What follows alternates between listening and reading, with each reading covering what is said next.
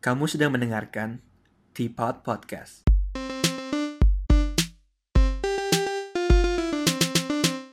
Halo, welcome back to Teapot. Di perspektif kita kali ini, kita bakal ngomongin ngobrol politik bisa bikin musuhan. Ya, jadi hari ini kita juga ada yang spesial. Kita kedatangan tamu lagi. Jadi, boleh kenalin dulu siapa namanya? Uh, halo semua, uh, nama gue Hans. Ya, jadi si Hans ini tuh temen gue pas SD ya. Iya. Di SD Abdi Siswa di Taman Aries. Udah lama banget itu ya. SD Anta Berantah. gitu. Anta Berantah. Iya, jadi uh, dulu kita teman SD, terus lama banget kita nggak ketemu. Hmm. Tahu-tahu pas di Hongkong, eh ketemu lagi. Iya. Terus jadi kita hari ini tapi kita mau ngomongin uh, apakah politik itu bisa bikin berantem. Nah, gue ngundang Hans juga karena kemarin dia sempat sharing sesuatu nih di, di Facebook. Maksudnya dikit gak apa yang lu share di Facebook gitu? Uh, jadi yang gue share di Facebook itu jadi ada satu video. Uh, videonya ini tuh uh, satu oma-oma gitu, oma-oma Hongkong lokal. Dia uh, kebetulan dia kayak la- lagi itu lagi pada lagi protes dan di daerah sentral tuh. Uh, Iya. Dan di daerah sentral tuh uh, biasa kayak ya emang salah satu daerah tempat yang emang di orang buat- ya, rawan rawan, protes. rawan, protes. protes. Dan mereka tuh lagi yang eh, protester ini dia lagi pada bikin satu barikade, blokade gitu di Ah, ah. tengah jalan eh, yang ya kesannya dia cuma mau eh, dia taruh itu barikade ya buat nutupin jalan aja supaya eh, mobil-mobil yang lain tuh kayak nggak bisa lewat Hmm. Eh, dan ya itu nggak bisa lewat supaya kayak biar pemerintah tuh tahu kayak oh eh, woi liatin lihat kita nih yang kita lagi protes gitu eh, kasih eh, your attention to Iya, the- iya. those lah those situation Cuma bikin kacau aja deh ya Bikin gitu ya. Nah, bikin kacau. terus eh, intinya di video ini tuh ada satu oma-oma ini dia kayak eh, ngambilin barang yang ditaruh sama protester itu dan ditaruh dipindahin ke tengah jalan eh dipindahin ke pinggir jalan Mm-mm. kayak dibersihin, gitu dibersihin, lah ya. iya, Iya, dibersihin. iya. dan dia bersihin tuh sendiri gitu kan Hmm, hmm. Nah, terus habis itu ya eh, yang protes, yang protester yang taruh itu barang, dia udah dipinggirin sama eh, mama itu, dibalikin lagi ke tengah gitu. tengah, kayak kayak kayak sopan lah ya. Kayak- gitu.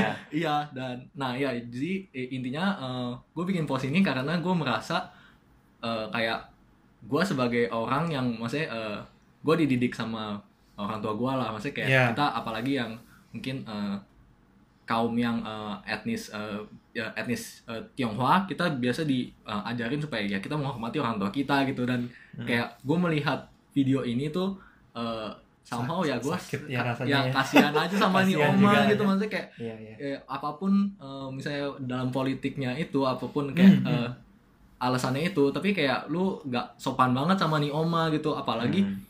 eh, udah dipindahin maksudnya udah dipindahin ke tengah dipindahin itu bisa protesnya ini nyari barang lagi Nyari nyari barang nyari lagi. barang Oh, lagi iya, dipindah tambahin. ditambahin di tengah Iya, gitu padahal ya kenapa sih emang kayak maksudnya eh, oma itu juga bertujuannya tuh tadinya baik baik. karena di belakang protester itu ternyata tuh ada kayak banyak bus, banyak mobil yang mencoba buat balik eh, ya lewatin tuh jalan, Lewatin jalan. gitu. Hmm. Soalnya ya mereka mau pulang lah setelah Hmm. kayak kerja atau- atau eh, after long day lu mau balik ke rumah lu, lu mau ketemu eh, Keluarga lu. keluarga lu, lu mau ketemu anak lu, ya jadi lu harus terhambat gara-gara Hmm. itu Hmm. gitu. Maksud tujuannya nenek itu sih baik gitu.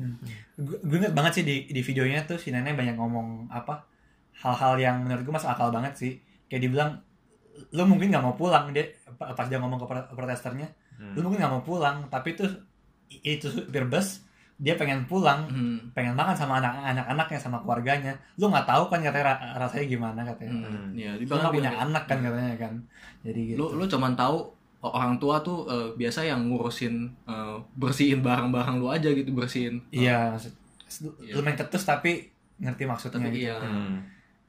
Nah terus juga menarik banget di komentar kolom komentar lu di post yang lu share itu ada temen lu yang bilang ngomong-ngomong soal nggak respect sama orang tua nih ada video polisi gebukin orang tua gitu kan hmm, nah menurut gue di sini tuh sekarang mereka udah mulai politik di mana setiap kita point out ke- kesalahan lu lu point out kesalahan orang di seberang lu hmm. dan menurut gua itu bukan mindset yang baik sih lu kan mau nunjukin bahwa lu yang lebih benar ya lu harus act lebih bener dong. Iya. Kalau misalnya lu lu sama-samain sama-sama act ini sama dengan Betul. polisi, berarti lu apa bedanya dengan mereka, dong, bener Iya. gak? Ya itu sih yang menurut gua sedikit off sih. ya gue juga mau nambahin nih misalnya yang polisi Eh, polisi misalnya kayak kalau orang lokal yang pada ada yang bilang eh, kalau em, polisinya gebukin yang protesternya. Tapi kayak eh, gimana caranya orang protester itu eh, mereka menganggap dirinya sendiri tuh emang eh, lebih baik kalau ternyata mereka tuh malah melakukan sebaliknya. Kayak bahkan lu bayangin aja itu polisi kan ya mencoba untuk supaya nggak terjadi kekerasan nggak terjadi riot gitu kan. Iya, iya. tapi yang protestor itu mencoba buat kayak eh, bakar rumah polisinya gitu loh ada beberapa ada Iya, beberapa iya. kasus emang yang eh, rumah polisinya bahkan diincar sama orang-orang protestor itu gitu Pastinya loh di personal gitu Iya, kan. personal tapi eh, padahal itu kan keluarganya itu maksudnya istri anaknya mereka Iya, nggak iya. salah apa-apa gitu Sama. loh dan mungkin juga harus lu lihat juga mungkin polisi gue bukan membela polisi sepenuhnya emang Iya, beberapa iya. polisi itu ada yang ya Ada yang- ada yang parah serem juga ada yang sih. lumayan, lumayan ekstrim dan Iya. Oh, sama di eh, di sisi eh, protestor dan juga ada yang eh, ekstrim juga tapi Oknum-oknum lah ya, Iya. kita bisa bilang. tapi lu nggak berarti lu harus eh, membalas dendam itu loh gitu Iya, loh. Nggak harus nggak berat karena lu dengan membalas dendam sama aja berarti lu nggak lebih baik dengan Iya. daripada dia daripada gitu. dia juga Hmm. Walaupun mereka sering banget bilang, oh ya kita ngelakuin ini karena kita udah desperate. Dan gue rasa lu nggak bisa Lu bisa justify des- desperate apa kekerasan Hmm. dengan alasan de- desperation. Karena misalnya ntar lu udah demokrasi, semua orang punya masalah beda-beda. Orang semua de- boleh melakukan kekerasan karena desperate, ya hancur negaranya dong, bener gak? Hmm. Ya gitu sih menurut gua. Nah, dan dari situ sebenarnya yang gua nggak menarik itu di bagian di postingan lu di, di mana lu kasih disclaimer di postingan lu. Lu bilang lu bilang kalau nggak salah nih ya, gue jarang share hal-hal beginian, hal politik gini. Tapi sekarang gua gua mau share dan kalau misalnya lu nggak suka dan lu mau unfollow gua a- atau unfriend gua nggak apa-apa, lu bilang gitu kan. iya Nah, gue sampai mikir, kayak apakah kita sebagai orang-orang itu nggak boleh apa kita ngo- ngomongin politik? Ng- ng- Nggak boleh apa kita punya pandangan yang yang berbeda? Kalau misalnya berbeda, kita harus saling unfriend gitu. Nah, itu yang kita yang kita pengen bahas hari ini sih. Hmm. Nah, tapi sebelum kita masuk ke sana, mungkin oke juga buat kita buat update sedikit nih soal protes-protes yang di Hong Kong ya. Kemarin kan minggu ke berapa? 19 ya. Kalau nggak salah udah hampir Hmm, 5 udah- bulan. udah- Gila iya, men. udah hampir dua. 5 bulan men. Itu kalau kalau mau punya anak itu 4, bulan lagi brojol. 4 bulan lagi brojol. Iya. Iya, gila. Terus kemarin gue sempet lihat juga video-videonya tuh mereka uh, ngancur-ngancurin shop yang katanya punya link sama orang China atau pemiliknya di view mereka itu dukung China juga. Hmm. Nah, kalau menurut lu dengan cara mereka kata mereka mereka memboikot itu kan perusahaan-perusahaan itu. Kayak apakah dengan ngancurin itu hal yang baik menurut lu? menurut gua um, ultimately itu bukan hal yang baik karena gimana pun violence is not the answer Hmm. Setuju. soalnya ya kayak lu gimana pun kekerasan tuh nggak bakal uh, menyelesaikan uh, semua hal lah dan mungkin gue juga gue suka banget ya maksudnya pas gue denger ya uh, podcast lu lu Ah. pernah bilang satu kayak uh, you cannot change law yang Iya, apa in, in, in, unlawful. in, in an Unlawful way. way Ya, menurut gua gue setuju banget sama hal itu dan kayak eh, oke lu misalnya eh, sebagai kalau lu lihat eh, sisi pandang dari orang yang orang Hong Kong eh, p- eh, especially yang kayak muda-muda yang Hmm, hmm. seumuran eh, 20-an Iya. gitu yang emang eh, mereka baru lahir ketika Hong Kong tuh baru aja pindah dari eh, kekuasaan dari Inggris, Inggris ke pindah Cina. ke Cina Hmm. Iya. jadi mereka mungkin yang paling mengerti kayak rasanya gimana lu terjepit di antara dua eh, era ini loh. Era ini. Jadi di di sisi itu mungkin kayak ya mereka eh, pengen mencoba buat ya gue pengen bebas gitu, gue pengen Hmm. eh, merdeka eh, dan segala. Tapi kayak eh, dengan mereka menghancurkan ya gitu juga itu negara mereka itu sendiri negara gitu mereka kan. sendiri itu rumah mereka sendiri itu. juga Hmm. gitu. dan gue pikir kalau misalnya lu mau boykot it- itu sah sah aja sih itu hak lu Sah sah aja. ha. tapi lu bisa gunakan cara lain lu buat boykot misalnya Ah. lu nggak suka sama Besma 360 atau lu nggak suka sama MTR-nya Iya. yaudah lu jangan pakai MTR-nya Hmm. tapi jangan Hancurin Jangan juga. sampai lu Iya. mengambil hak orang lain buat menggunakan fasilitas itu maksudnya Hmm. Kan eh, kan pakai fasilitas itu dan jadi tempat lain itu kan juga hak hak orang-orang lain dong Betul. maksudnya kalau lu begitu lu berarti sedikit egois bener gak Hmm, betul. Iya. Dan mungkin another uh, perspektif mungkin juga lu bayangin aja orang yang kayak kalau yang kerja di situ, Hmm. lu yang kerja Iya, di Maxim iya. gitu, kasihan juga mereka maksudnya mereka mau kerja untuk menghasilkan duit, biayain keluarga mereka, tapi kayak dengan adanya uh, protes dan di boykot dan gimana dihancurin Diorangin. tokonya, mereka jadi nggak bisa bisa bekerja. kerja. Ba- bahkan mereka itu juga orang-orang lokal Hmm. yang kerja mereka juga kan orang lokal juga Jadi, yang kerja gitu loh. mereka ngancurin itu harapannya mau ngancurin orang-orang yang di atasnya padahal mereka juga ngancurin orang-orang mereka sendiri juga Hmm, gitu betul. kan Hmm. dan yang awalnya mungkin mereka dukung uh, protes ini kalau misalnya gara-gara protes ini ke- uh, Hmm. kerjaan mereka hilang mereka pasti juga mikir dong kayak lah gila gue gue udah gue udah dukung kalian capek-capek eh malah gue yang kena imbasnya gitu Hmm. maksudnya iya gak sih Hmm.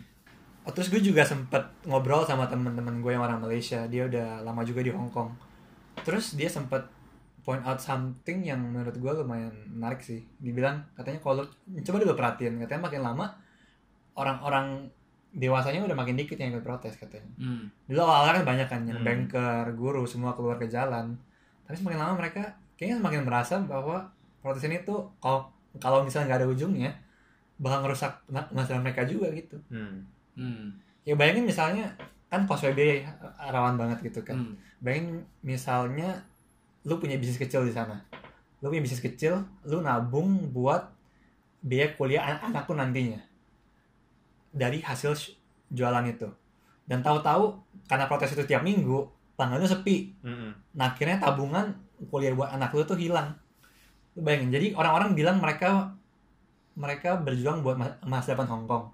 Tapi mereka nggak sadar bahwa dengan itu eh, lu merampas masa depan di beberapa orang-orang Hong Kong juga bener gak jadi kayaknya mereka lebih harus mikirin sih aksi mereka gimana gitu. Dan apalagi yang kayak kemarin itu sedikit kontras juga ya. Yang di TST ada marching juga mereka damai banget tuh. Hmm. terus mereka sempat sempat nyanyi nyanyi kayak no riot just tyranny ya katanya ya. Hmm. nah tapi di other side of the city mereka lagi bakar bakaran MTR Oh ya benar sih. nah jadi kan ada kontras begini. Sekarang orang jadi mikir ah, apakah tujuannya sama atau gimana gitu. Nah kalau lu mau komentarin ini gak kira-kira? Kalau gua ya gua selalu mikir gua mencoba kayak eh, mencoba untuk berpikir secara objektif lah. Kayak em, sebelum lu melakukan sesuatu ada baiknya kayak lu put yourself into someone else shoes gitu loh. Hmm, bener. Karena kayak em, mungkin tujuan lu maksudnya baik gitu tapi lu harus melihat juga kayak eh, apa akibatnya dari Dampaknya. perbuatan dampaknya Hmm. dari perbuatan lu Iya. itu apakah lebih banyaknya lebih banyak yang baiknya atau lebih banyak eh, buruknya juga gitu hmm.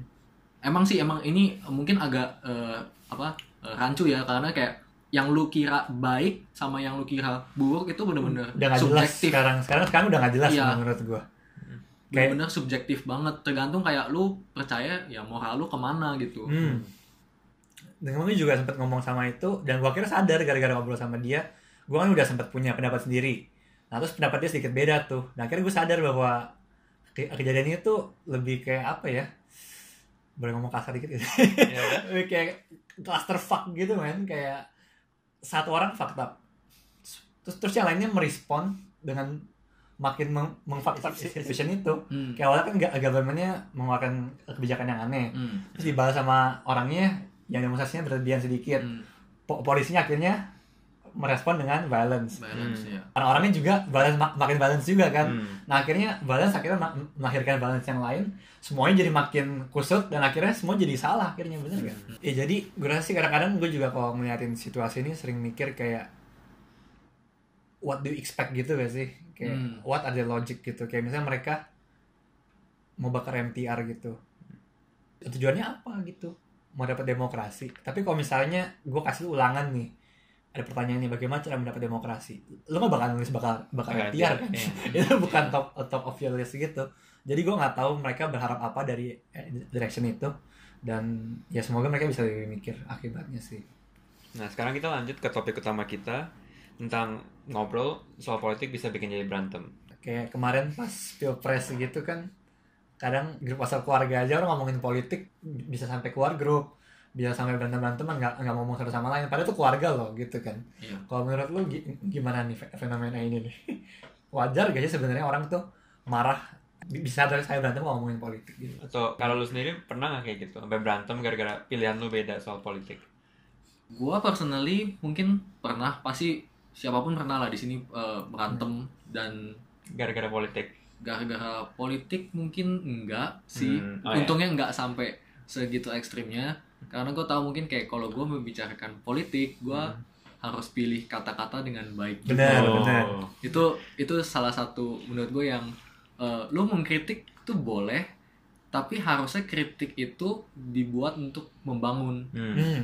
untuk kasih feedback ke oh mungkin si A kurang baik karena bagaimana gitu Hmm. lu nggak bisa cuma bilang kayak si A jelek banget nih tapi lu nggak tahu alasannya Ah, apa gitu loh Cuma nggak suka aja gitu. itu cuma nggak suka doang itu ya ya lu nyari ribut aja sama orang Hmm. gitu namanya. Jadi dari pengalaman lu itu lu ngerasa wajar nggak kalau orang berantem soal politik? kayak Sebenarnya apakah kalau misalnya lu berbeda lu, lu berbeda pendapat tuh Hmm. lu harus musuhan gitu berarti sebenarnya enggak sih karena ya balik lagi lu mau bertukar pikiran dengan orang itu kan karena kayak Hmm. lu kalau gua sih personally gua suka ngomong politik karena gua pengen tahu bagaimana eh, pandangan dari sisi orang yang eh, pihak yang bersebelahan dengan gua Nah, gitu misalnya Iya.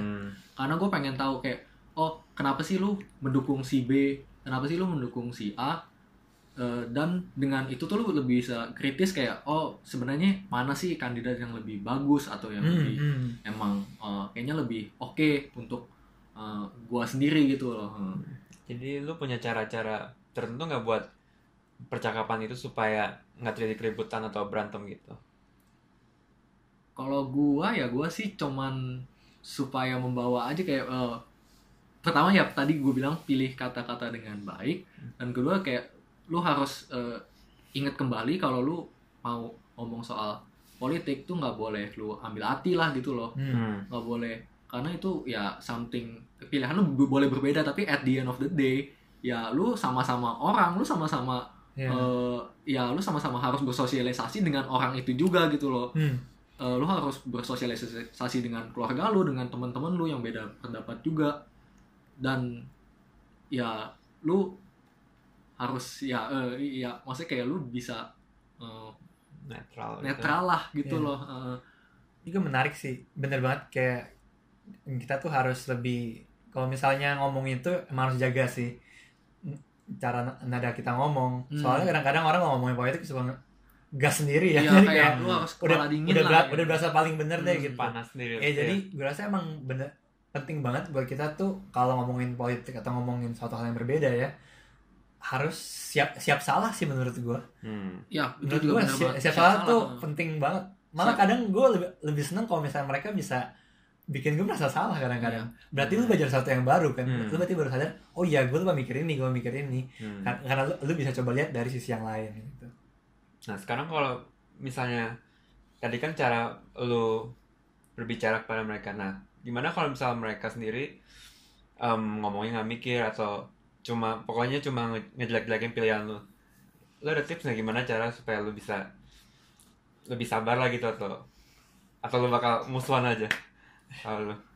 Kalau gua pribadi ya gua eh, ya gua sebenarnya nggak suka aja sih sebenarnya kalau eh, Hmm. kita eh, maksudnya kayak gua gua pun kalau emang ada orang yang gua rasa dalam gua berdiskusi atau apa dia terlalu kayak dianggap hati banget Hmm. eh, gua juga kurang suka ngomong sama eh, Hmm, mereka ah, lah Gak Jadi nyaman kayak jadinya ya. nggak nyaman dan gua ya mula- lumayan selektif lah jadinya kayak ya karena Ah. gua tahu kayak pertama kali ya lu nggak pernah tahu itu orang tuh eh, the Ya, dia dia di pihak apa. mana Ah. eh, sampai lu coba ngomong hal, hal itu dan kalau dia emang tidak terbuka ya kita mau kita mau gimana sih Mau kita gimana? bukan kita Iya. bukan siapanya juga maksudnya mungkin temennya tapi kayak mungkin bukan the closest friend yang bisa kayak ngasih tau kayak eh kok lu gitu doang Hmm. Eh, marah sih kayak ini kan gue ngomong santai doang atau gimana gitu loh Oke. bukan dan lu bukan juga bukan kayak bapak maknya atau ya ya Benar, benar. Jadi respon lu santai aja terus responnya santai aja kayak maksudnya mungkin kasih tahu dia pelan-pelan kayak eh gue ngomong ini eh,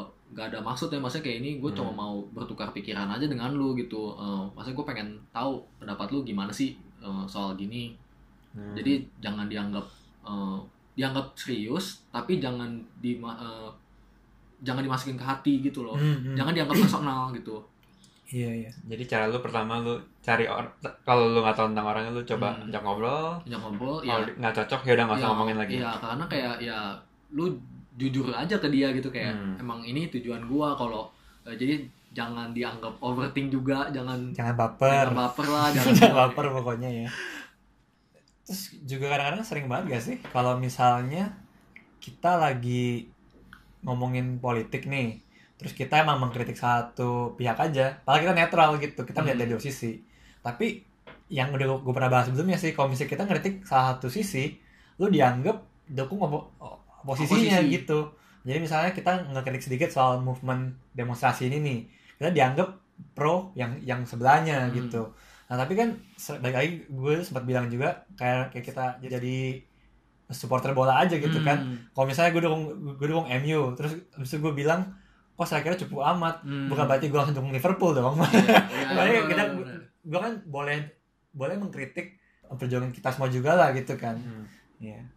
ya tadi yang kayak supporter bola itu kalau menurut gue juga lu harus berpikir objektif balik lagi tadi ke gue bilang kayak pikir objektif karena oke lu mungkin segelintir orang doang yang ngomong kalau misalnya kayak ya MU oh strikernya cupu apa kayak nggak bisa main Satu. tapi eh, ada juga orang yang eh, bakal mengkritik MU apa maksudnya kayak eh, oh eh, mungkin mereka kurang apa kurang apa mereka kritiknya tuh lebih kayak Beneran lebih kon- deep, kon- lebih konstruktif ya. ya? konstruktif gitu loh. Hmm. dan sebenarnya ya lu dalam eh, gimana pun lu misalnya lu mau berdiskusi apa pun eh, politik lah soal eh, apa pun sama eh, temen lu sama sama keluarga lu lu harus ya sebisa mungkin mencoba itu supaya konstruktif karena ya lu sama-sama lu mau pengen menjadi orang yang lebih baik lagi gak sih bukan Bener, lu bener. pengen mau jatuhin satu sisi doang Hmm. mau eh, ngata-ngatain doang kalau itu ya ya itu ya namanya berarti kayak memang gitu. udah kacau Iya. aja orangnya. Iya.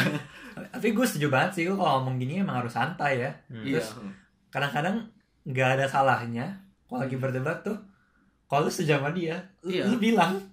Nah itu gue setuju. Kalau kayak, oh iya ya Oh, benar gua setuju, juga uh, gitu. Hmm. itu membuka mata lu juga membuka Iya iya. Dan itu juga jadi bikin orangnya berasa, oh ya ini orang nggak nggak cuma mikir pendapat dia doang, dia juga ya pendapat gue. Kalau misalnya dia setuju dia bilang setuju dan kalau dia nggak setuju dia ngasih alasannya kenapa gitu kan. Dan juga ya kadang-kadang awal-awal baru mulai sih juga susah ya kita pasti orang kan lebih di- defensif ya kalau lagi ngomong-ngomong ginian Hmm. dan gue rasa nggak apa-apa defensif awal-awal Mhm. tapi yang menurut gue penting itu setelah dari lo have that conversation yes lo pikirin lagi tadi lo ngomongin apa aja dan ya lo renungin lagi kira-kira oh ya tadi sebenarnya dia dia bener sih ininya Hmm. nah tapi sebenarnya gua- gua kurang kurang di sini sih nah jadi buat ke depannya lo akhirnya punya pandangan yang Hmm. lebih baik lagi gitu even though lo pas lagi conver pas lagi conversation lu marah pun juga menurut gua itu mungkin normal Mungkin ya normal, normal, At, at some tapi point, at some iya. point lu harus reflect back on like benar benar mungkin Iya, iya. kenapa lu bisa marah in the first place gitu kayak mungkin karena Iya, lu iya. emang gak setuju atau kayak kayak lu mencoba berpikir kritis tapi mungkin lu ya emang ya itu berbeda aja dengan lu gitu Hmm. ya Hmm, hmm, lu hmm. harus reflect balik ap- apakah yang mungkin dikatakan sama yang temen lu atau siapa kayak mungkin emang itu benar juga Itu gitu. Hmm. karena pasti dan alasan kita kenapa kita bikin podcast ini juga kan kita menunjukin bahwa di setiap cerita itu pasti ada dua sisi kan. Hmm. dan ini sangat penting buat ya at least ngobrol lah coy kayak kalau lu nggak ngerti sesuatu lu udah punya salah satu pihak cobalah ngobrol sama mereka.